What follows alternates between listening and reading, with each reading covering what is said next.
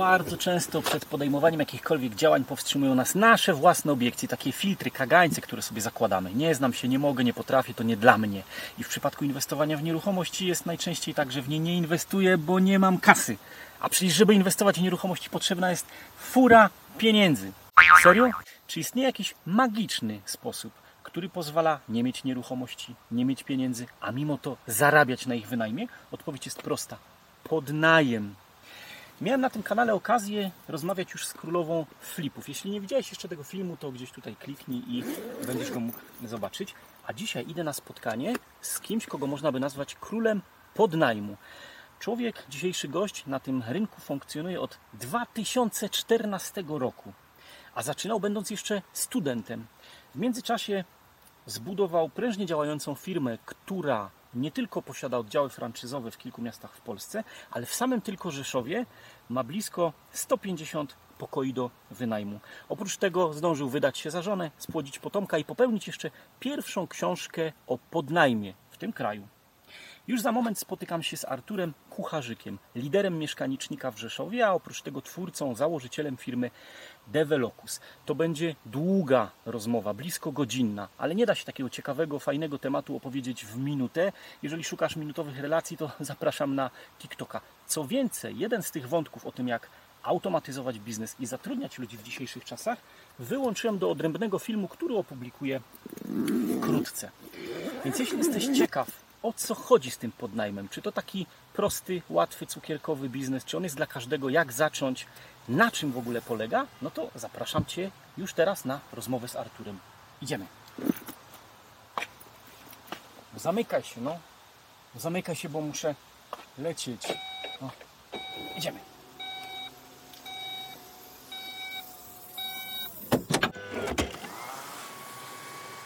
Zajmuję się przede wszystkim podnajmem. To jest rzecz, którą robię od e, już 6 lat i w tym się specjalizuję. Przy okazji też czasem drobne inne rzeczy typu flipy, typu zarządzanie nieruchomościami, typu kupno własnych mieszkań na wynajem. E, Wprowadzę też franczy- franczyzę, jeśli chodzi o podnajem w innych miastach w Polsce, ale jednak wszystko się kręci wokół tego podnajmu. Historia nie jest jakaś oszałamiająca, bo podnajem e, i ogólnie zamiłowanie do nieruchomości wzięło się od książki Kiyosakiego, jak u większości osób, które, które znam w nieruchomościach, także jednak coś w tym jest, coś w nim jest.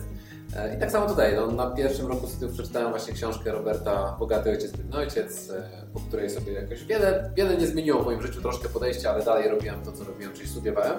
Ale druga książka, Inwestycyjny Poradnik Bogatego Ojca, właśnie trochę mi otworzyła oczy i jest, wtedy stwierdziłem, że coś trzeba innego zrobić. I dużo było informacji właśnie, że fajne są nieruchomości ze względu na to, że można ten kapitał zainwestować, można mieć ten przychód pasywny, e, że niekoniecznie etat, że są inne ścieżki i myślę fajnie. No tylko jak to te nieruchomości robić, nie mając kapitału, będąc na studiach.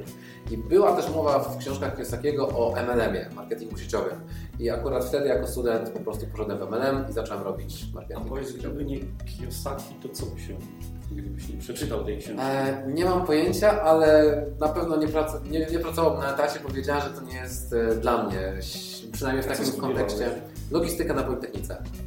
Przygotowywałeś się do tego, żeby patrzeć, gdzie tam te tiry jeżdżą i gdzie wysłać? E, Pośrednio, bardziej w innym kierunku poszedłem, bo chciałem być na zarządzanie, właśnie coś związanego z biznesem, zarządzaniem, biznesem, ludźmi, ale z racji tego, że na zarządzanie szedł każdy i to był taki okres, że faktycznie ktoś się tam gdzieś nie dostał albo cokolwiek e, nie wiedział co robić, szedł na zarządzanie i mnóstwo osób po zarządzaniu wychodziło i nic nie robiło. No to logistyka była takim pokrewnym kierunkiem, w którym było mnóstwo przedmiotów podobnych do zarządzania albo tych samych, ale jednak e, taki, można za dużo powiedziane, elitarnym, bardziej e, ścisłym pod tym kątem, że akurat jak ja się dostawałem, to było chyba 7 osób na miejsce na tym kierunku, więc, więc poszedłem na tą logistykę, wiedząc, że będzie dużo o zarządzaniu, więc raczej w takim kierunku, żeby coś tych umiejętności zarządczych zdobyć. U mnie to było trochę na odwrót. Najpierw się pojawił podnajem, a później się dowiedziałem, że to chodzi o nieruchomości.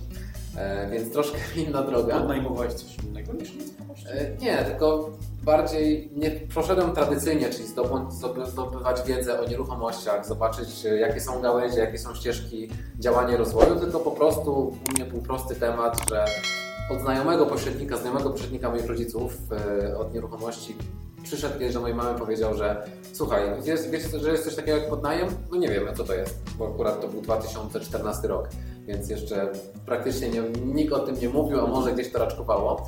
E, No i powiedzieliśmy zgodnie z prawdą, że nie wiemy, co to jest. Podnajem polega na tym, że wynajmujecie nieruchomość od właściciela, podnajmujecie pojedyncze pokoje zarabiacie na różnicy w czynszach. I w zasadzie to jedno zdanie spowodowało, że myślę sobie, fajne. Fajne, bo od razu sobie ułożyłem w głowie, że nie muszę mieć do tego kapitału, więc e, nikt mi nie mówił, co mam robić. Tak. Nie muszę mieć nieruchomości, nie muszę mieć kapitału i mogę zacząć od już. I zacząłem od już, bo na drugi dzień wziąłem sobie zwykłą kartkę z zeszytu studenckiego, wyrwaną i sobie zapisałem, za ile pokoje się mogą wynajmować w jakich lokalizacjach, a wiedziałem to stąd, że byłem wtedy na czwartym roku studiów. Od razu chciałeś robić podnajem pod studentów, dla studentów. Tak, tak.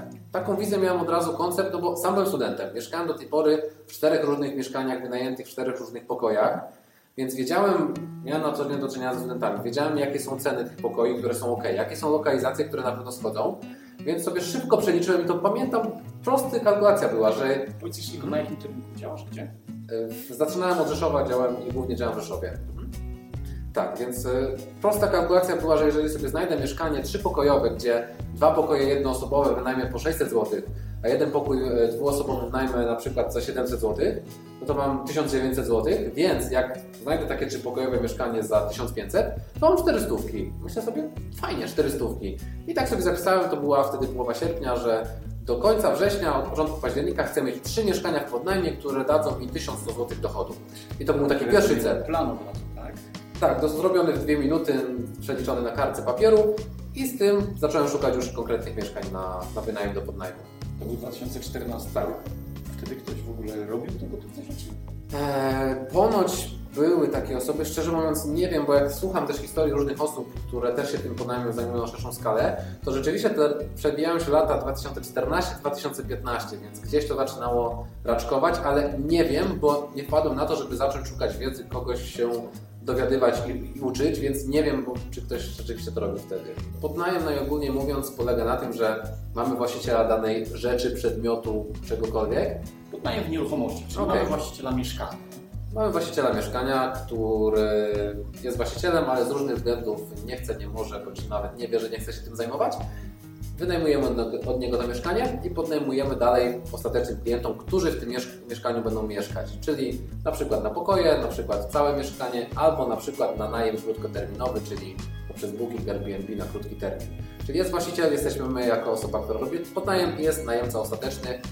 W modelu tym nie znają się najemcy z tym właścicielem wiekowym. Właścicielem, a wy jesteście tak jakby pośrodku tego. Dokładnie tak i każdy tak naprawdę, przynajmniej w takim wzorcowym modelu, powinien być zadowolony z tego względu, że właściciel przekazując nam mieszkanie w podnajem zdejmuje sobie problem z głowy, to znaczy pozbywa się mieszkania na kilka lat, ma spokój, ma stałe pieniądze co miesiąc, nie musi zajmować się lokatorami, nie, musi, nie martwi się o pustostany, wszelkie usterki bierzemy na siebie. Z drugiej strony są lokatorzy, którzy wynajmują najczęściej pokoje, czyli jest lokator, który ma 600-700 zł na pokój, on nie chce całego mieszkania, więc dostarczamy mu fajne mieszkanie. Przy okazji jesteśmy my, którzy zarabiamy na różnicy w czynszach. Od razu parę wątków mi się pojawiło, nawet sobie zapisałem, żeby nie zapomnieć. Po pierwsze, Mhm. no bo to takie nasze polskie, że my sami możemy to lepiej, prościej ogarnąć. Jaki ma interes właściciel w tym, żeby tobie oddać mieszkanie, skoro w teorii zarobi mniej, niż gdyby to zrobił sam?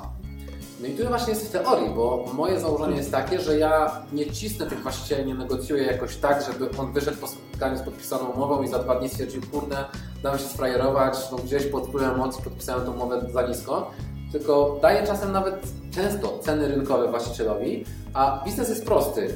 Bierzemy od właściciela mieszkanie trzypokojowe, płacimy mu jak za trzypokojowe i na przykład w dużym pokoju stawiamy ściankę, wygospodarowując czwarty pokój, i w cudzysłowie bierzemy w hurcie mieszkanie trzypokojowe, a dajemy na rynek de- detalu cztery pojedyncze pokoje i zarabiamy na różnicy w czynszach i każdy jest zadowolony. Krótko mówiąc, trzeba to dobrze wcześniej policzyć, tak? Trzeba to dobrze policzyć. To był jeden przykład. Takich przykładów, gdzie właściciele są zadowoleni jest mnóstwo innych, bo kolejny właściciel, typ właściciela zadowolonego z usługi siedzi za granicą na co dzień, nie jest na miejscu i z każdą pierdołą typu coś się zepsuło, krancie, on nie wiedział do kogo dzwonić, szukał gdzieś jakichś znajomych, może szwagra przysłowiowego na miejscu, żeby pojechał, naprawił po godzinach, a szwagier wkurzony już do czerwoności, bo znowu musi jeździć za przysłowiową flaszkę i naprawiać to mieszkanie. Więc tak naprawdę często to sami właściciele się zgłaszają do nas po to, żeby nam to mieszkanie oddać podnajem, bo mają tą gwarancję czynszu, więc nawet jeżeli sobie przeliczą, i to jest najprostsza rzecz y, do przekonania takiego właściciela, jeżeli sobie przeliczą, że co roku mają miesiąc, dwa miesiące pustostanu, to jeżeli sobie odejmą ten pustostan i cały przychód roczny podzielą na równe 12 miesięcy, się okazuje, że to jest cena, którą możemy im spokojnie dać i wszystkim się zajmujemy. Czy wy gwarantujecie czynsz właścicielowi? Oczywiście, taka jest idea podnajmu. Podnajem polega na tym, że my jesteśmy najemcą do właściciela i to my płacimy mu czynsz i wszystkie obowiązki i prawa wynikające z prawa lokatorskiego, jakim jesteśmy lokatorem, spoczywają na nas. Czyli w teorii może być tak, że ty nie zarabiasz, bo to Oczywiście. się nie wynajmuje i ty to ryzyko bierzesz na klatę, ty przyjmujesz na siebie. Bardzo dobry mamy teraz okres, bardzo dobry, bardzo dobry okres do przykładu, jakim jest COVID, gdzie wielu właścicieli, którzy mieli umowy powiedzmy średnie, nieprofesjonalne, może nie popłynęło, ale miało długi czas pustostan, czy lokatorzy się wyprowadzili, stracili pracę, nie mieli przychodów i różne inne powody, mieli te mieszkania puste. A my, gwarantując cały czas te same czynsze, co by się nie działo u nas, 100% czynszów zapewnialiśmy właścicielom, ani jednego dnia nie było spóźnienia. Umowy z właścicielami, które zawieram, i tu znowu może nie szablonowo do tego, co gdzieś się ogólnie słyszy w podnajmie, od roku do 5 lat. Czyli nawet jestem w stanie na rok zawrzeć umowę. Pierwsza testowa na rok, a potem jak się kręci to na dłuższy okres, czy... To raczej w drugą stronę. To właściciel przeważnie, przeważnie, czasem, jeżeli mnie nie zna, jeszcze mi nie ufa, czemu się nie dziwię, no bo skoro mnie nie zna, to dopiero ten okres trzeba sobie dać na, na zbudowanie zaufania, to proponuję, że on niekoniecznie chciałby na, od razu na 5 lat podpisać umowę, mimo że dla mnie jest to wygodniej, bo od razu wiem, że na 5 lat mam nieruchomość. Proponuję, że na rok poznajmy się, zobaczmy jak to będzie dalej szło. I jestem otwarty, ale oczywiście pod warunkiem, że wszelkie inwestycje, które muszą być poczynione w tym mieszkaniu, będą po stronie właściciela. Czyli ja nie jestem w stanie zainwestować 5-10 tysięcy w mieszkanie, które będę miał na rok czasu, bo może mi się to nie zwrócić, a dopiero ewentualnie jak się zwróci, to dopiero będę miał pierwsze zyski. Koszt inwestycji w mieszkanie jest po stronie właściciela, ale przy krótszej umowie, tak? To zależy. I tu znowu, ja staram się zawsze podchodzić elastycznie, nieszablonowo. Każdy przykład negocjacji był inny, z każdym właścicielem się inaczej dogadywałem. Więc były takie umowy i taka współpraca do tej pory jest, że właściciel właśnie twierdził, że no kurczę, jednak się nie znamy, dajmy sobie rok, jak będzie ok, przedłużymy. Ja mówiłem, ok, fajnie, jak najbardziej mieszkanie się nadaje, ale wymaga odświeżenia, powiedzmy 5 tysięcy jest koszt, który trzeba włożyć w to mieszkanie, doposażyć, odświeżyć i tak dalej. I mówię w takim wypadku, dobrze, ma Pan dwie opcje, albo możemy podpisać umowę na rok, ale wtedy Pan musi te koszty ponieść. Ja się na tym znam, ja to kupię, ja to zrobię, nie ma problemu dla mnie, czas swój zainwestuję. Albo druga opcja, podpisuję, podpisuję umowę, na przykład, bo sobie przeli- przeliczyłem minimum na 3 lata i ja jestem w stanie to zainwestować, bo jestem w stanie sobie to jakoś rozłożyć, zamortyzować. I właściciel mówi, wolę na rok, ja to zainwestuję. Jest ok, podpisujemy na rok, 99% przedłuża dalej, a z mojej perspektywy mam długoletnią umowę i mieszkanie gotowe. Czy nie ma takiego ryzyka, że trochę pokażesz właścicielowi, jak to robić, jak należy wyposażyć mieszkanie, pokażesz, jak ono pracuje i za rok ci ktoś powie dziękuję, to ja już sobie sam to będę ogarnął. Zdarzały się takie rzeczy? E, To jest kategoria ryzyka, które uważam, że myślę o problemach, które najprawdopodobniej nigdy nie będą miały miejsca. Więc przed tym przestrzegam. Mi się osobiście to nie zdarzyło. Zdarzyło mi się oddać mieszkanie, ale z tego względu, że właściciele, trzy takie przypadki były, właściciele chcieli sprzedać na szybko z różnych tam powodów rodzinnych, biznesowych i tak dalej, więc po prostu rozwiązywaliśmy umowę, sprzedawaliśmy dalej, ale nie było tak, że właściciele oni sobie sami to zrobią, bo wiedzą jak. Tak na dobrą sprawę, jeżeli im powiemy i, po, i oni widzą, jak wygląda ta praca, to nie wiedzą, że to nie jest tak, że oni nam oddali Nie podajem, my każdy sobie na pokoje wynajęliśmy i leżymy sobie świtankę, spija, spijamy, a, a wszystko się kręci. To się nie kręci, tym trzeba kręcić, żeby to jakoś miało ręce i nogi. Więc widzą, że to jest praca, którą my wkładamy, a najczęściej to sami pytają i proszą o przedłużenie tej umowy, bo prosta sytuacja, jeżeli właściciel jest zadowolony z No nas, on zapomina o nas, czasem nawet po 2-3 lata się z właścicielami nie, nie, nie, słyszymy, nie widzimy. Jakbym zaczął od nowa, to może tak bym podszedł, czyli osoba, która znowu jest studentem, na przykład nie ma doświadczenia, tak jak ja robiłem, e, no to gdzieś to doświadczenie, chociaż może niekoniecznie doświadczenie, ale wiedzę można zdobyć. W dzisiejszych czasach jest mnóstwo wiedzy, są bezpłatne poradniki na YouTubie, jest mnóstwo szkoleń płatnych, bezpłatnych, e, są książki. No jest też twoja książka. Jest też moja książka o podnajmie, która de facto była pierwszą w Polsce książką o podnajmie. Została wydana w 2019 19. 19, no tak, teraz myślę, czy to było pół roku temu, czy to było półtora. Tak, to było pół roku temu, więc to była pierwsza książka w podanie w Polsce, w związku z tym, że się nawet nie było literatury, gdzie się bardziej tego dowiedzieć, podszkolić. Teraz wiem, że jeszcze jakaś jedna się też pojawiła. Ale, ale jest ta wiedza, naprawdę za kilkadziesiąt złotych, czy nawet za darmo, tak jak mówię, w sieci możemy zdobyć wiedzę, ale też przestrzegam przed tym, żeby nie szukać wiedzy w nieskończoność, bo znowu mam przykłady osób, które od 3-4 lat, oni jeszcze nie są gotowi już rozmawiałem z nimi jeszcze zanim jakąkolwiek miałem koncepcję na franczyzę, że słuchaj, działasz w tym, chcesz działać w tym mieście, ok, ja Ci pomogę, ja już wiem mniej więcej jak to robić, już trochę błędów popełniłem, zróbmy to razem, później się jakoś rozliczymy, no zróbmy i będziemy myśleć jak dalej. Nie, jeszcze nie jestem gotowy i on od trzech lat nie jest gotowy, ostatnio się z tym spotkał, bo może zacznie robić, a, a, tak naprawdę dalej gość nie jest gotowy. Przed tym przestrzegam, bo im więcej wiedzy zdobywamy, to się okazuje najczęściej, że jednak dużo nie wiemy. I dokładnie, i ja się sam przed tym łapałem przy okazji flipowania, że im miałem więcej wiedzy, tym kurde zacząłem tyle rzeczy sprawdzać, co się nawet nie prawnicy pytali, o co mi chodzi, czemu to sprawdzam. Mówię, a sprawdzam, bo się właśnie na tym sparzyłem ostatnio. I, I przez to może nam dużo okazji odpadać, bo mamy nawet nie procent, tylko promil szansy, że jakaś negatywna rzecz się wydarzy, a ja już o tym wiem, już to analizuję, że tak może być, nie jest bezpieczne, to nie wejdę, więc nadmiar wiedzy uważam, że też szkodzi. Może takie śmiałe stwierdzenie, ale nie można mieć nadmiaru wiedzy, bo czasem trzeba zrobić ten krok po prostu i nie rozkminiać właśnie to, co mówiłeś. E, takie przykładowe to zdanie, że a co jeśli właściciel podpatrzy i będzie chciał mnie wykolegować z biznesu, sam to będzie robić? No, mi się nie zdarzyło przez tyle lat, przez tyle najemców, przez tylu właścicieli, no to po co to w ogóle analizować? A jak się zdarzy, no to raz na 100 lat. Zdecydowanie nie każde mieszkanie się opłaca podnająć i tu znowu wychodzi nasza umiejętność realnego liczenia, tego też zawsze polecam, przygotowanie sobie tabelek i różnych wariantów. Mm, I tu, ale znowu z drugiej strony też może zdementuję kilka mitów, że na kawalerkach też można robić podnajem. Więc zawsze zachęcam na jakichkolwiek szkoleniach, czy w książce, czy webinarach, które prowadzę, nie idźmy jakimś szablonem, że ktoś Wam powiedział, że na mieszkaniu musi być minimum 1000 zysku, że musimy wpakować w powiedzmy minimum 5000 w dane mieszkanie, czy minimum 1000 w każdy pokój, żeby to miało sens. Jak będziemy myśleć, że musimy, no to tak będziemy podchodzić, tak będziemy musieli. Gdybym ja tak myślał, to bym w ogóle z podnajmem nie ruszył, bo moje pierwsze nieruchomości w ogóle do 1000 się nawet nie zbliżały. To było 500-600 zł. Ale ta dla mnie to było super, ta różnica w czynszu, tego zysku. Ale dla mnie to było super jako dla studenta, właśnie, który Miał znajomych, gdzie pracowali na etacie za 1200, bo była taka wtedy minimalna krajowa, na etacie, na kasie w jakimś markecie, a miałem 1100 zł z dwóch mieszkań, gdzie umówmy się, obsługa ich była jakaś wymagająca, troszkę trzeba było głową ruszyć, ale to nie było 8 godzin dziennie na etacie. I dla mnie to było ok. A gdybym podszedł, że minimum 1000, bo ktoś mi tak powiedział, to bym kurczę nie ruszył z tym tematem. Więc kiedy to jest opłacalne, odpowiadając na Twoje pytanie, czy każde mieszkanie, nie wiem, to zależy. Bo znowu, dla studenta, który ma 500 stypendium socjalnego, płaci za pokój w akademiku 300 i on może sobie dorobić na podnajmie 2000 zł, nawet na czterech mieszkaniach, czyli po 500 zł, no to może być fajna kasa, której nawet powiedzmy nie, przeje, nie, nie przeimprezuje, może dalej mieć na jakieś inwestycje, ale z kolei dla prezesa banku i właściciela całej kamienicy 500 zł na jednym mieszkaniu to może być mało, bo on w tym czasie jest w stanie zrobić coś innego, więc znowu zawsze zachęcam do indywidualnego patrzenia na ten biznes.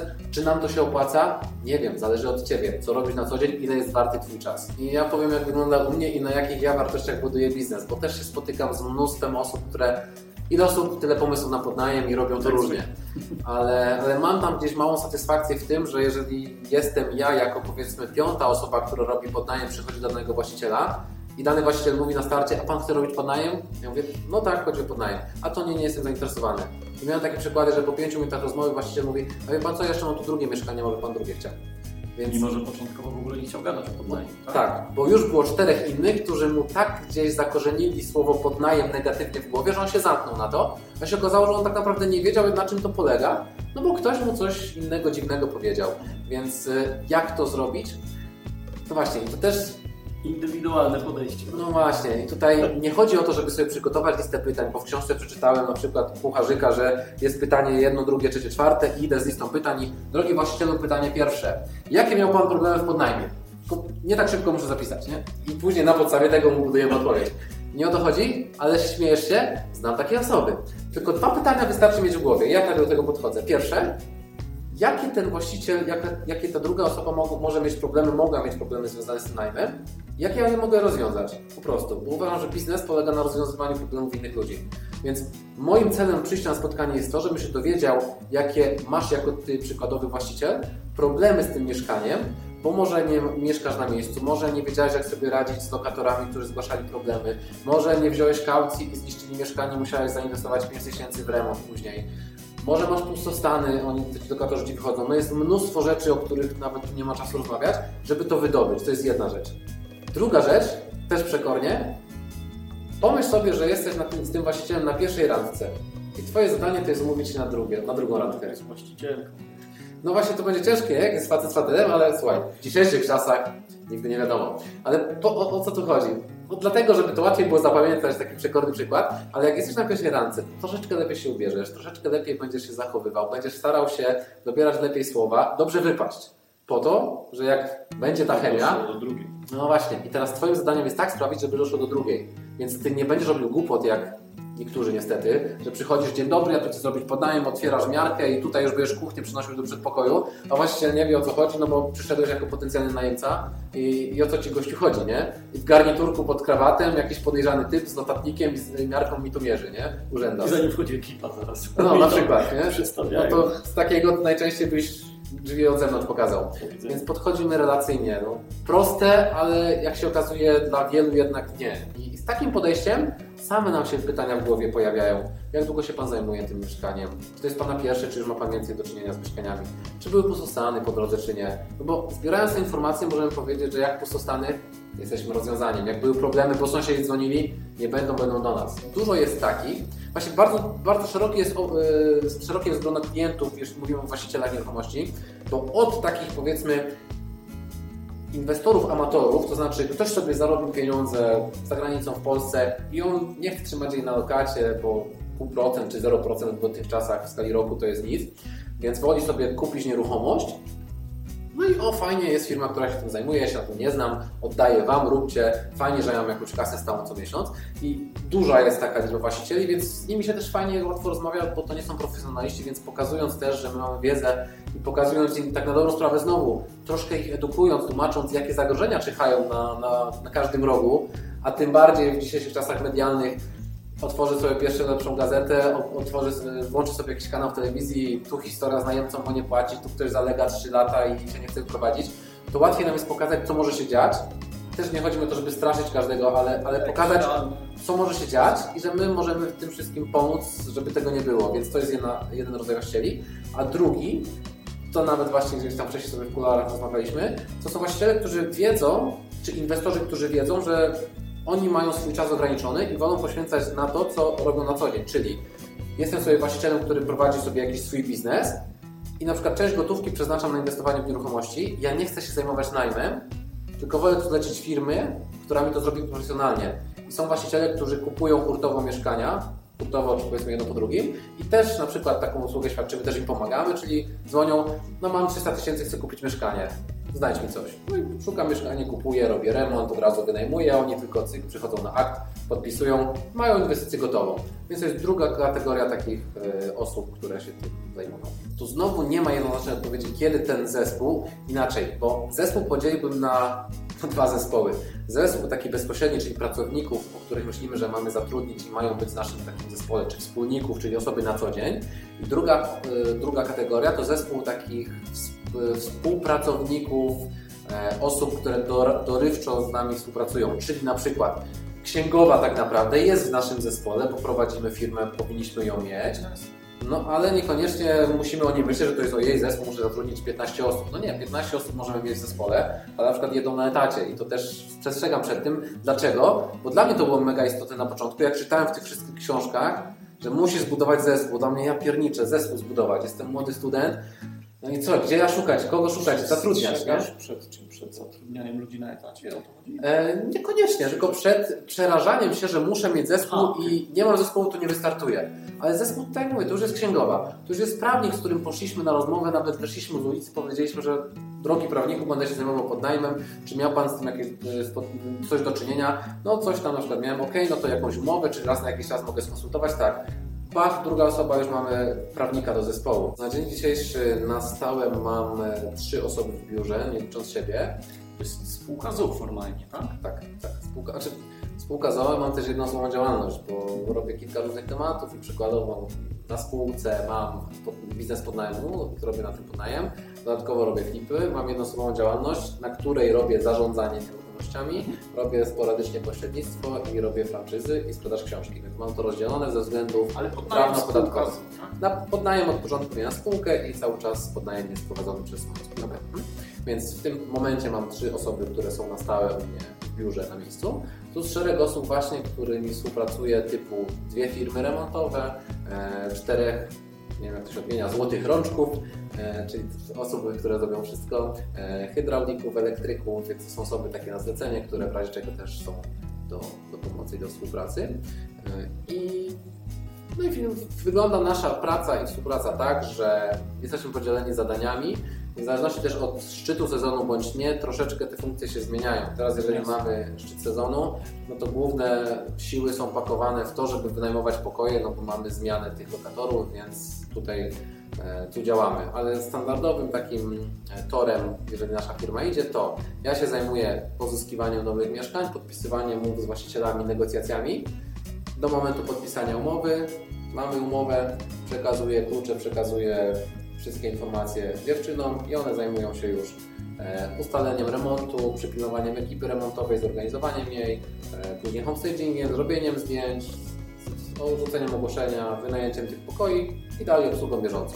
Więc ja powiedzmy nakręcam biznes, rozwijam, a dziewczyny cały czas go budują i, i trzymają ten fundament. Chcą zrobić coś legalnie, musimy mieć działalność. Czyli teraz albo jednoosobowa działalność gospodarcza, albo spółka ZOO, albo spółka komandytowo, to, komandytowa spółka ZOO. To są trzy najczęściej spotykane formy działalności, z tym, że jednoosobowa działalność jest najczęściej występująca, spółka ZOO druga rzecz w kolejności i spółka komandytowa spółka ZOO to jest trzecia w kolejności. Tutaj bym to podzielił y, i wybrał formę do skali, jaką chcemy zbudować. Jeżeli chcemy sobie dorobić, mieć jedno, dwa, trzy, kilka mieszkań, to jednoosobowa działalność myślę, spokojnie nam wystarczy. To też nie ma co na siłę od razu pakować się w spółki, chociaż znowu ja też troszkę może czasem hipokrytą jestem w tym, co mówię, ale robiąc pewne rzeczy nie miałem też świadomości we wszystkim, dlatego mówię na swoich nieraz błędach. Ja jak zaczynałem podnajem, nie miałem wiedzy, to raz, dwa, poszedłem od razu w spółkę, bo byłem zafiksowany, bo też robiłem jeszcze ró- różne inne rzeczy po drodze, że anty-ZUS, antydziałalność, więc od razu spółka, bo będzie taniej, nie będzie ZUS-u, większe możliwości, poszedłem w spółkę. Nie żałuję, ale z działalnością byłoby na pewno prościej w pewnych elementach niż od razu. I sugestia byłaby taka, że przy mniejszej skali robić to na działalności na przykład jakiejś jednoosobowej gospodarczej i potem dopiero pomyśleć tak o jakimś E, Tak, ale jeszcze, poziomie. tak, ale tu jeszcze jedną rzecz bym się zastanowił i rozważył, czy uważamy podnajem za biznes ryzykowny. Bo Jeżeli uważamy za biznes ryzykowny, to spółka też powiedz, służy do tego. No to zależy jak do tego podchodzimy. I dla mnie niekoniecznie jest ryzykowny nawet Tam w tym tak, im momencie. większa skala, tym większe ryzyko. No znowu i tak i nie, bo możemy mieć dwa mieszkania i może być mega ryzykowne. Znowu, jeżeli nie mamy wiedzy, mamy złe podpisane umowy. No dzisiaj, dzisiejszy czas pandemiczny, kryzysowy obnażył właśnie, kto był przygotowany, a kto nie. I Kto Dzisiaj- bez kąpielówek, tak? I bez koła ratunkowego gdzieś zanadrzył od ratownika. E, Więc ja dzisiaj widzę dużo ofert, że ludzie wystawiają, sprzedam pod najem. Dlaczego? Czego tego wcześniej nie było. Widziałem gdzieś w ciągu kilku lat dwie oferty, że ktoś sprzedawał biznes pod najmu, a teraz wchodzę co kilka dni, ktoś sprzedaje biznes pod najmu. Bo, no różne są powody, ale między innymi dlatego też, że ktoś z tym się nie wyrobił, bo właśnie umowę z właścicielem miał taką, a nie inną, na dłuższy, na dłuższy okres, bez żadnych wypowiedzeń jest ok. No ale znowu z lokatorami też miał taką umowę, że im umów uciekali, nagle zostaje z kilkunastoma, tysiącami zobowiązania miesięcznie. I tu jeżeli mamy jednoosobową działalność, to musimy pamiętać o tym, że odpowiadamy własnym majątkiem, bo jednoosobowa działalność to my. Jeżeli mamy spółkę, to ten majątek znaczy majątek. Majątek możemy mieć na siebie, ale biznes odsuwamy od siebie. I przy pewnych spełnionych kryteriach i okolicznościach, bo to nie jest tak, że mamy spółkę, to się nie martwimy. Też trzeba mieć trochę wiedzy, żeby wiedzieć, kiedy ta ograniczona odpowiedzialność występuje, a kiedy nie. Ale możemy przyjąć założenie, że jak mi biznes padnie, to mi biznes padnie ta spółka ZOO, ale to, co ja mam na siebie, mój majątek, nie, moje mieszkanie, mój samochód, gdzie jest na mnie, przetrwa. Z założenia i z umowy odpowiadamy za stan mieszkania taki, w jakim przyjęliśmy mieszkanie, wykluczając naturalne zużycie. Tak może definiując ogólnie. Szczegółowo, jeżeli mieszkanie jest nowe, odmalowane, wszystkie sprzęty są nowe, to na nas spoczywa odpowiedzialność, żeby na przykład, jeżeli lokator się wprowadza, to od niego wyegzekwować pomalowanie pokoju, bo jeżeli nie, to my jesteśmy najemcą w oczach właściciela, więc to my za to odpowiadamy i bierzemy za to pełną odpowiedzialność. Więc ten pokój musimy odmalować. Jak się sprzęty psują, niszczą, zużywają, to też nasza odpowiedzialność jest w tym, żeby dalej to mieszkanie utrzymywać w takim stanie i standardzie, jakim przekazał nam właściciel. I to jest argumentem, który przedstawiamy i to jest argumentem, który wpisujemy w umowie i właściciel ma prawo tego od nas wymagać. To jest jakieś pocięte na kawałki? Nie, No bo nie gadamy 5 minut, gadamy więcej. nie. Dlatego pytam, nie? Bo jak się okazało, że się włączyło dopiero 5 minut, Byłoby pikanie, wiesz, ja się wyłączy. No, najlepiej, pamiętam. Słowo, słowo. Ciężko mi określić, bo jakbym sobie spojrzał na kalendarz, to naprawdę każdy dzień wygląda inaczej. No dobra, wstajesz i co? Jedziesz do biura, jedziesz do jakiegoś mieszkania, spotykasz się z właścicielem potencjalnego nowego mieszkania, które przejmiecie w podnajem. No i Czy wszystko z tego się może Opowiedziałeś trzy, trzy, trzy różne dni, nie? Czyli dzisiaj na przykład, no, może, mogę sobie pomyśleć, co robiłem w przeciągu tego tygodnia, tak? Czyli wstałem sobie i jeżeli nie miałem żadnego spotkania umówi- umówionego w biurze, no to sobie odpalam komputer, patrzę, co mam dzisiaj do zrobienia, bo sobie na przykład dzień wcześniej przeważnie staram się planować, co mam następny dzień do zrobienia, zostawiając jakiś margines. E, No i na przykład sobie, nie wiem, obdzwaniam jakieś tematy bieżące albo o co robiłem w tym tygodniu, no to obmyślałem strategię marketingową firmy, jak to wyjść do najemców, żeby pokoje nam pozyskać. Więc dzwonię do firmy, która robi nam marketing w internecie, e, no i rzucam pomysły, oni mają to zrobić dopiero. Później, ok, no to staram się też e, mniej pracować w domu, bardziej w biurze, po to mam też biuro, żeby trochę oddzielać prywaty od pracy, przynajmniej trochę, bo w 100% to jest mi ciężko. No i pojadę sobie do biura, pracuję sobie chwilę na komputerze, to znaczy sp- sprawdzam rozliczenia, y, porozmawiam z dziewczynami, jak sytuacja na bieżąco, coś im podpowiem, coś podziałamy i na przykład znowu umówię się z jakimś innym właścicielem, bądź y, no, bardzo różne rzeczy, bo też dużo różnych rzeczy robimy. To nie jest tylko ten podnajem, no ale właśnie też inne rzeczy, które te flipy, te, te inne. A dużo jest takich sytuacji, które roboczo możemy nazwać gaszeniem pożarów, dzwoni telefon, bo coś się stało tu, coś się stało tam, tu się ktoś wyprowadza, tam trzeba coś odmalować, a tam właściciel się dobija, bo jeszcze nie ma pieniędzy. E, To też zależy od naszego podejścia, szczerze mówiąc, bo w pewnym momencie, to chyba było dwa lata temu, zrobiliśmy taką poważną zmianę w umowie i w regulaminie. Doprecyzo- Doprecyzowaliśmy, dołożyliśmy dużo punktów, łopatologicznie wyjaśniliśmy, jak wygląda najmu. w umowie najmu z lokatorem. Tak. Z lokatorem, nie z właścicielem. Mhm, z lokatorem. Z właścicielem o tyle jest zawsze fajnie i prosto, że właściciele współpracują z nami czy ze mną, no bo ja jestem na tej pierwszej linii frontu z właścicielem. Zdobywając to zaufanie, naprawdę się z nimi fajnie współpracuje, że oni później tak na dobrą sprawę chcą rzeczywiście o tym mieszkaniu zapomnieć i nie ingerują. 99% właścicieli takich jest. Pod warunkiem, że co miesiąc wpływa przelew. No dokładnie, ale to jest, no, o tym nawet nie mówię, no to jest standard, stałe zlecenia mam ustawione, więc właśnie, zawsze też warto, to można później poruszymy, automatyzować, żebyśmy nie robili rzeczy, które są powtarzalne, które wymagają ileś czasu. To za chwilę ten wątek nie wchodźmy, bo mogę o tym też długo gadać, ale, mm, ale to zależy jak sobie ten biznes ułożymy, bo właśnie z dwa lata temu, nie pamiętam dokładnie jak rok do roku ile pokoi mieliśmy, ale w chwili obecnej mamy w Rzeszowie niecałe 150 pokoi.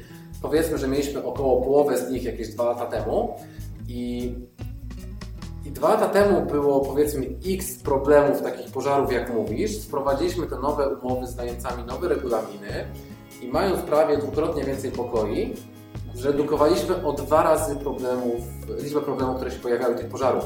Lokator miał problem z internetem, to dzwonił do nas. Dzień dobry Panie Arturze, bo mi tutaj internet nie działa.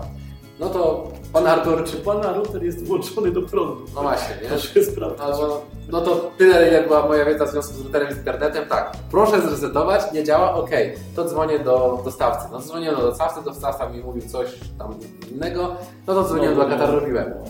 Prosta rzecz w regulaminie. Informujemy, jaki jest numer do dostawcy internetu, kto jest tym dostawcą, jaki mamy tam login, ewentualnie jako my, jako firma, która ten internet podpisuje umowę na ten internet. I Informacja, że jeżeli coś się dzieje z internetem, drogi najemco, zadzwoń proszę do firmy internetowej. No i Bądź to, bardziej samodzielny. dokładnie, pokazaliśmy im, jak być samodzielnymi, bo niestety, jeżeli mówimy o wynajmie pokoi, to mówimy najczęściej o młodych osobach, albo studentach, albo młodych pracujących. Jakby nie patrzeć, jakby nie mówić, z roku na rok ta samodzielność ich jest coraz mniejsza, coraz są bardziej wymagający i coraz mniej od siebie chcą dać.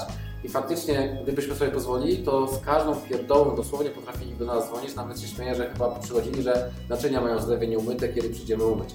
Do tego stopnia byliby w stanie się posunąć, dlatego robiąc ten regulamin, od razu weryfiku- weryfikujemy tych lokatorów i pokazujemy im, jak być samodzielnymi, dlatego też dużo mniej tych telefonów jest, ale są, tego się nie da uniknąć. Tak samo z każdą inną rzeczą.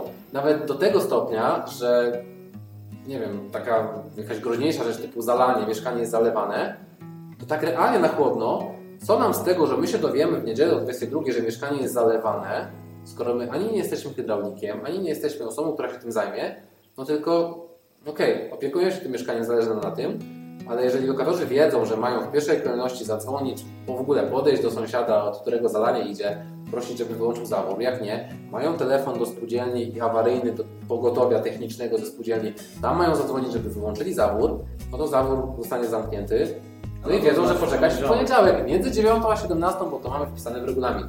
Nic nam to nie zmieni, że się dowiemy w niedzielę do 22. Zmieni tylko tyle, że nie będziemy się stresować, że mamy przez pół nocy telefony, nie wiadomo od, o, o co chodzi i od kogo. To zaryzykowałbym stwierdzenie, że może, może z 2-3 telefony w ciągu tygodnia mogą się pojawiać od takiej liczby tych około 150 pokoi, które mamy w Powiedz proszę, bo tak jak słucham, to wydaje się, że ten podnajem jest strasznie sexy. W sensie prosty, łatwy, nie muszę mieć kasy, nie muszę mieć nieruchomości, ludzie tak. nie dzwonią, ja wszystko dobrze poukładam procesowo.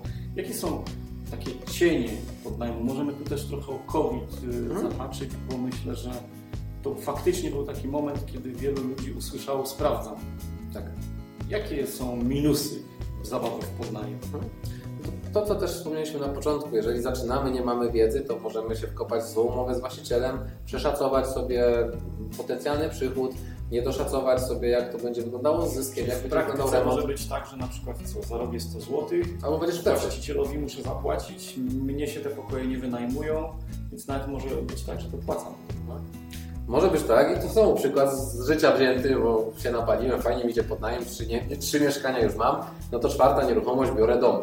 I tam e, akurat z czterech pokoi zrobiliśmy osiem, e, no i właśnie. I, to był fajny przykład, że założyłem, już teraz dokładnych kwot nie pamiętam, ale mniej więcej, e, mniej więcej założyłem sobie, że inwestycja w remont wyniesie mi jakieś 8 tysięcy, wyniosła 14, niedoszacowanie, że zejdzie mi on miesiąc, zszedł dwa miesiące, więc się wydłużył okres. Ten drugi, pierwszy miesiąc miałem wynegocjowane tak zwane wakacje czynszowe, czyli zapłaciłem złotówkę właścicielowi, ale drugi miesiąc już skoczył z czynszem, więc de facto poza kwotą, którą zainwestowałem w remont. Przychodu nie było jeszcze. Przychodu nie było, no bo jest remont. Nie?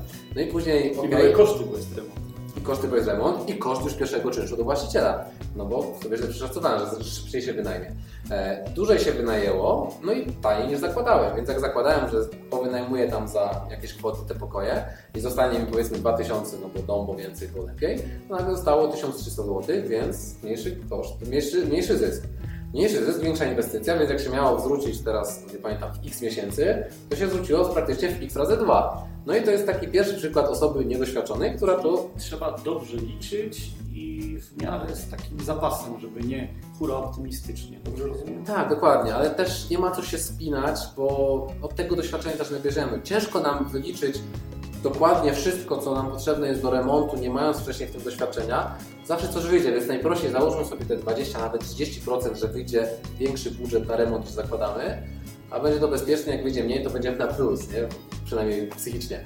E, a z każdym kolejnym remontem to już wiemy, że aha kurczę, ostatnio doliczyłem żarówek, nie? Po co żarówki doliczać po 5 czy 10 zł? A jak mamy 20 żarówek po 10 zł, to już mamy koszt jakiś, nie?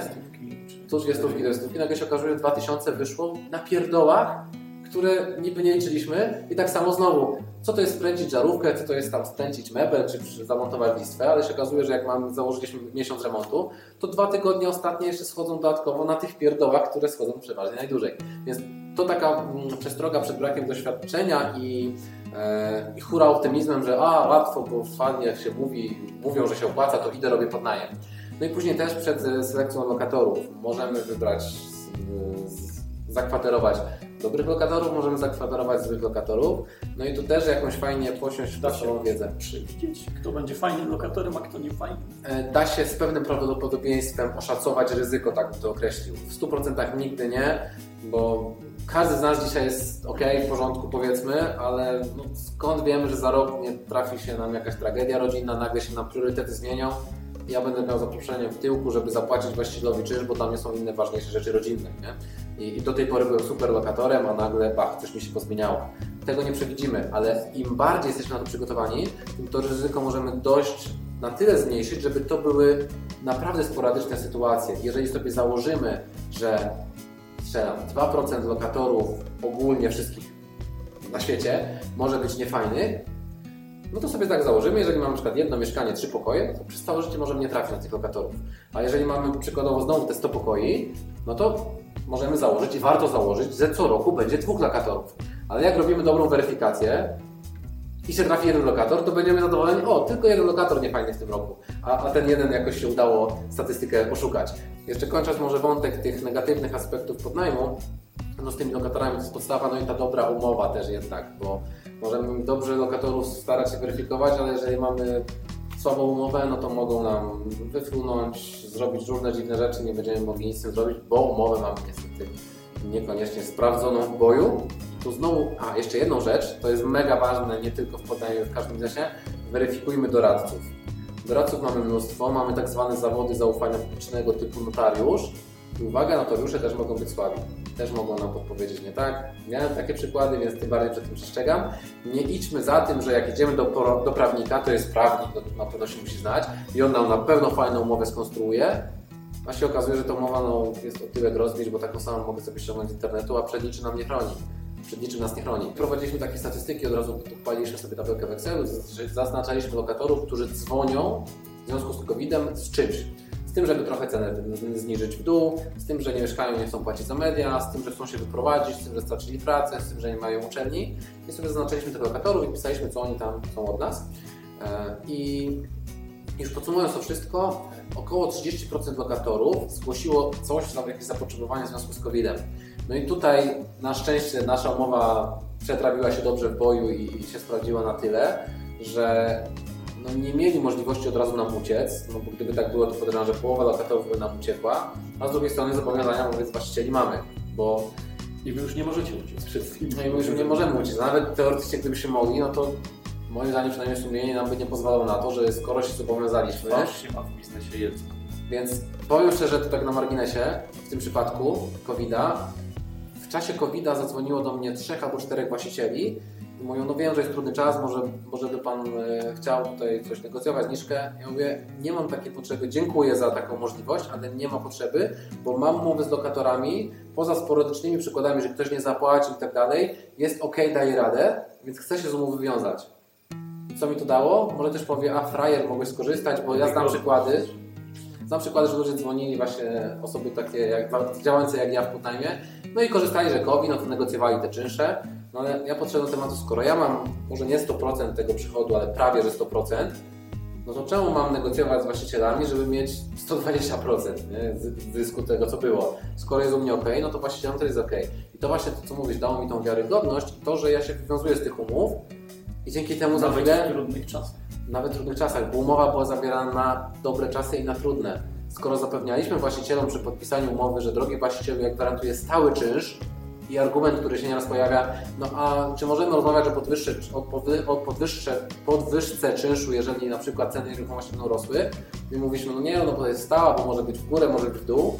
No to jak w górę to się cieszymy, nie? Ale jak w dół, no to nie dajmy tyłka i dowieźmy to do końca. I tak się starałem podchodzić i tak podchodzę też teraz mimo tego, że mamy nawet niecałą połowę pokoi wynajętych w tym momencie, umowy się kończą, na szczęście jeszcze nie mamy pustostanu, ale rok temu we wrześniu no to było dosłownie parę procent, mamy które dzisiaj, 18 września nagrywamy to. E, W tym momencie mieliśmy jakieś 10%, może 20 maksymalnie pokoi niewynajętych i do końca września zostały nam 3. Tak teraz mamy niecałą połowę wynajętą i to jest inaczej, ale właściciele dalej mają ten sam czynsz i, i trzymamy to, co mamy. Czyli, Żebym dobrze zrozumiał, największe ryzyko, tak jak ja to widzę, na Mhm. chwilę czuję, jest takie, że tak, ty masz zobowiązania wobec właścicieli, którzy mogą sztywno podejść i chcieć wyegzekwować. Tak. Umawialiśmy się, proszę płacić i w ogóle mnie nie interesuje, że pan tam nie ma lokatorów. Mając taką umowę, tak może być A z drugiej liczyć. strony ty nie masz lokatorów, bo nie muszą, nie mają pracy albo nie mają zajęć, więc im te pokoje niepotrzebne.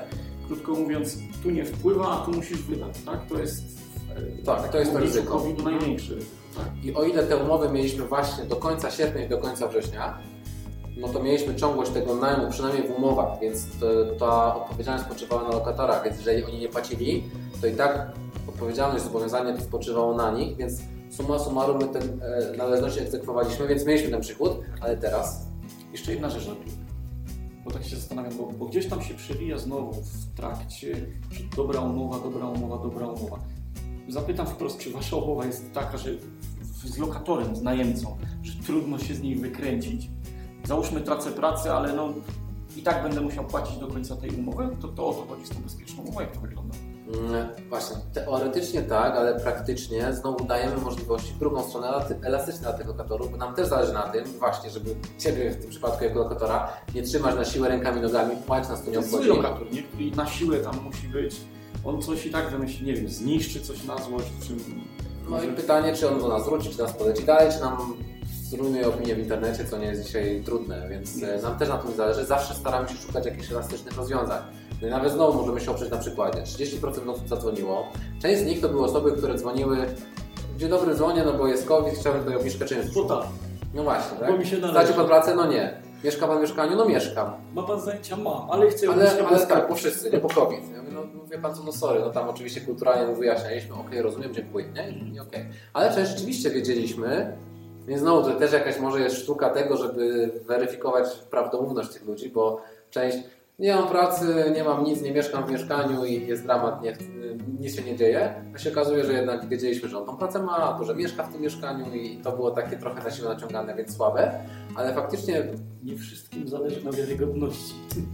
no niestety, e, ale wiedzieliśmy, że kilku lokatorów faktycznie miało poważną, trudną sytuację. Mm, No i z nimi podeszliśmy też troszkę elastycznie inaczej. Straciłem pracę, rodzice też stracili pracę, no jeszcze jesteśmy w stanie ten miesiąc zapłacić, później może być gorzej, ale wiemy, że mamy umowę, jesteśmy świadomi. I to nawet samo podejście do rozmowy, nie? Jak ktoś dzwoni do nas i mówi, ja wiem, rozumiem, mamy umowę, proszę też mnie rozumieć, spróbujmy jakieś rozwiązanie znaleźć, ok, niż wy krwiopijcy jedni, bo wy zysku, wyzyskujecie mniej umowa, co z tego, przecież COVID, przecież mam prawo, y, prawnikiem, prawnika do was wyślę. Jak takie coś słyszę, ja mówię, drzwi otwarte, zapraszam z prawnikiem, nie ma problemu. Ja wiem jaką mam umowę i faktycznie przyszło pismo do prawnika, myśmy odpisali, do końca mu płacili. Nie? I to, jak ktoś do nas ostro, no to my, no czemu mamy mu iść na rękę? Ale jak ktoś tak podszedł właśnie normalnie, elastycznie, to mieliśmy dwa przykłady takich lokatorów, gdzie faktycznie stracili pracę, mieli trudną sytuację i oni odrobili u nas czynsz pracując. Czyli jedna dziewczyna sprzątała mieszkania po remontach, nie zapłaciła dwóch czynszów, miała odrobione. Drugi chłopak skręcał meble w mieszkaniach, też odrobił. Swoją drogą ta jakość pracy może nie do końca była taka, jak, jak powinna, bo jak się okazuje, można źle posprzątać, można źle poskręcać meble, ale dzięki temu ci lokatorzy zostali dalej, ci lokatorzy później skończył się COVID, wrócili do pracy, płacili dalej, a myśmy mieli też jakąś tam satysfakcję, że nie cisnęliśmy na siłę i, i się udało. Czy ko- komuś tam powiedzmy, dobra, zapłać w tym miesiącu pół, w kolejnym zapłacisz, nadrobisz tą połówkę albo rozbijemy to na raty, ktoś tam powiedzmy sam zaproponował, też poszliśmy na rękę, że ja chcę tą umowę powiedzieć, zostało mi pół roku do końca, proponuję, że zapłacę 3 miesiące z góry e, i dzisiaj rozwiązuję umowę, się wprowadza. To przeliczyliśmy czysto teoretycznie kalkulując, że ok, jak nam zapłaci taką kwotę, to wystarczymy, że ten pokój wynajmiemy za pół ceny, będzie na to samo do końca umowy dla nas. No i też sam zaproponował, był zadowolony.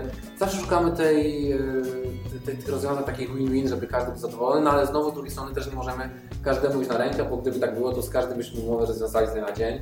Bylibyśmy z 30% pokoi pustych i bylibyśmy pod presją tak naprawdę. Czy jeżeli będzie powtórka z lockdownu, z tego, że ludzie siedzą w domach, to z punktu widzenia biznesu, który prowadzisz, jest ryzyko? Oczywiście, że jest. Oczywiście, że jest ryzyko, no bo znowu zależy, kiedy ta fala będzie, czy będziemy mieli umowy podpisane na pokoje, czy nie. Teraz tak samo, to już też dało troszkę do myślenia tym lokatorom i, i znowu podam przykład, jak rok temu w lipcu, sierpniu, bo wtedy przeważnie z lokatorami rozmawiamy o przedłużeniu umowy na kolejny sezon, mieliśmy około 50% przedłużonych umów, tak w tym roku, w tamtym okresie mieliśmy tylko 10% przedłużonych umów. Więc ludzie po prostu mówili, lokatorzy, nie wiem, nie chcę podejmować zobowiązania rocznej umowy na kolejny rok, więc nie podpisuję, wolę się wstrzymać. W razie czego coś tam znajdę później, mogę wrócić jak będzie wolne, a z racji tego, że widzę, że dużo pokoi jest wolnych, się wstrzymuję. No właśnie, tak do tego podchodzi i tak teraz podchodzą. No, Ci ludzie też są troszkę już przeczuleni i oni mówią, jakby była umowa z miesięcznym powiedzeniem, to bym wziął ten pokój, ale jak jest roczna, to niekoniecznie. I tutaj robią taką pauzę i, i, i przez to jest trochę trudniej. My z kolei nie możemy sobie pozwolić na miesięczne powiedzenia, ale właśnie teraz nawet to, teraz przypomniałem, że nie odpowiedziałem do końca na Twoje pytanie, czy tego lokatora trzymamy na siłę. Też niekoniecznie, bo zawsze dajemy kilka opcji wypowiedzenia tych umów. Choćby na przykład sesja umowy, znalezienie kogoś na swoje miejsce. I z tych 30% osób, ileś tam faktycznie się chciało wprowadzić, dobrze. W takim razie szukajcie kogoś na swoje zastępstwo, albo trudno będzie znaleźć, bo ceny, bo coś. No to znowu wychodziliśmy naprzeciw. Jak masz, drogi lokatorze, umowę za 700 zł, widzisz teraz, masz ogłoszenie przez tydzień, że nie ma chętnych, jak obniżyć na przykład cenę możesz na 500 zł tego pokoju, a zostało Ci 5 miesięcy umowy, to dopłacisz tylko 200 zł razy 5, a nie dopłacisz 5 miesięcy umowy po 700. Znajdziesz lokatora po 500 i znowu jest sytuacja win-win. My mamy taką samą umowę, jaką mieliśmy do końca, ten sam budżet y, się spina, lokator mógł wyjść wcześniej, nowy lokator przyszedł miał tańszy pokój i znowu jakoś się to dało zrobić. Więc to jest jedna z opcji. Druga opcja to właśnie zapłacić tam ileś czynszów z góry i się wyprowadzić. Mniej opłacana, bardziej się opłaca znaleźć kogoś na swoje miejsce. I mimo trudnego czasu kilkunastu lokatorów przepisało w ciągu marca, kwietnia umowy na inne osoby, więc się dało to zrobić, jak ktoś faktycznie chciał.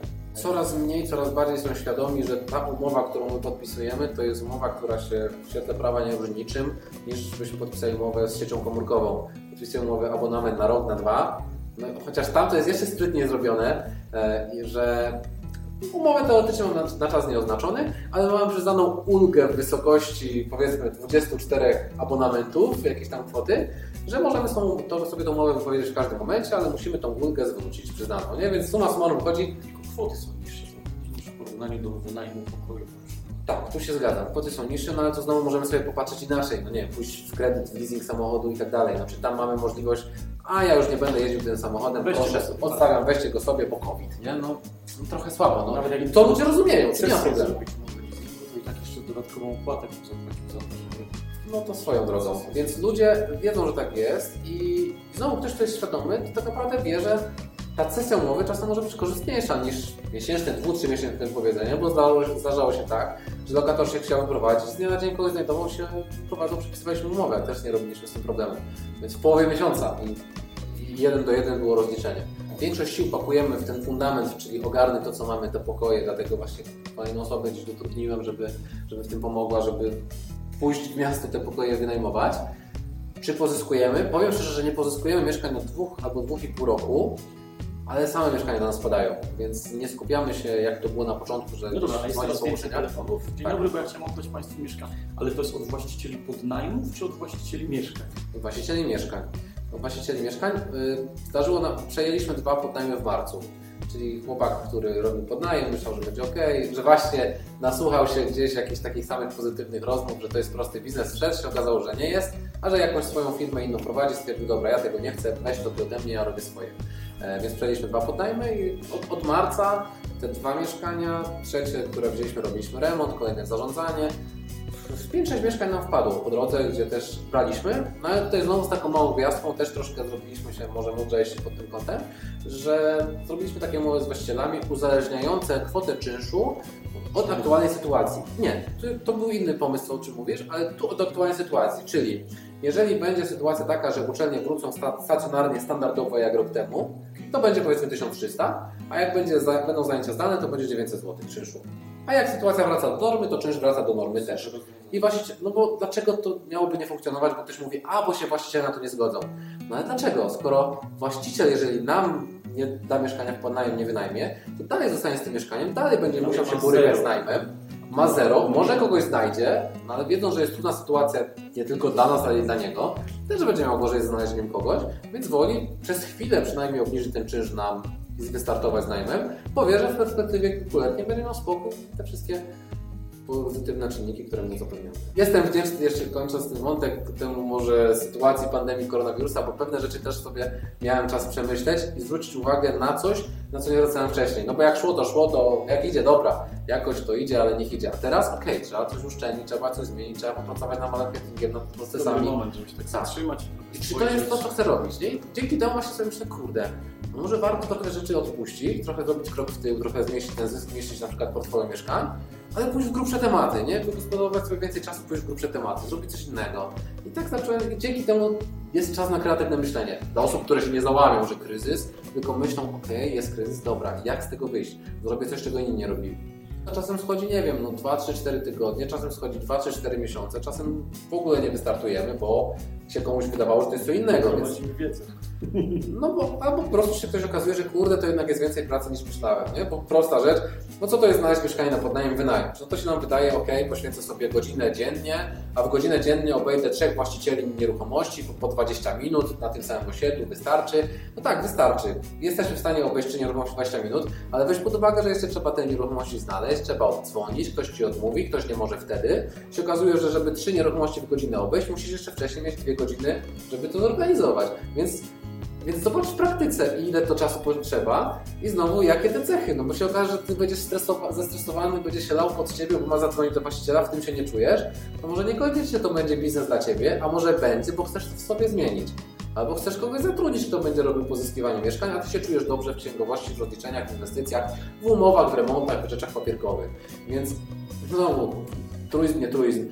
Poznajmy swoje mocne cechy, co lubimy robić na co dzień, zweryfikujmy, popytajmy, zadzwoń do mnie, zadzwoń do osoby, która się zajmuje podnajmem, dowiedz się, jak to wygląda w praktyce, przeczytaj książkę, zobacz szkolenie, zobacz, czy to jest dla Ciebie, czy to czujesz. Jak tak, spróbuj, zrób to pierwsze mieszkanie. Niech ono Ci przyniesie, nie wiem, 500 zł zysku, niech to będzie mieszkanie dwupokojowe kawalerka, gdzie jak jej nie wynajmiesz, to najwyżej przez miesiąc tracisz 1000 zł, a nie oszczędności całego życia.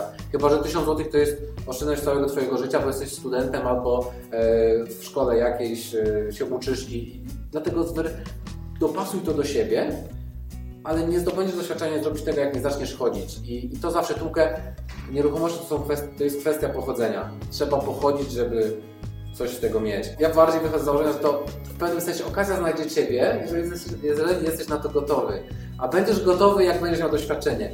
Kiedy będziesz miał doświadczenie? Jak będziesz chodził. Więc wchodź na kurde OLX, jakikolwiek portal ogłoszeniowy, znajdź poleć przez wszystkie ogłoszenia najmu, przejdźcie wszystkie, zrób sobie wyzwanie, przejdź wszystkie albo przynajmniej połowę w swoim mieście.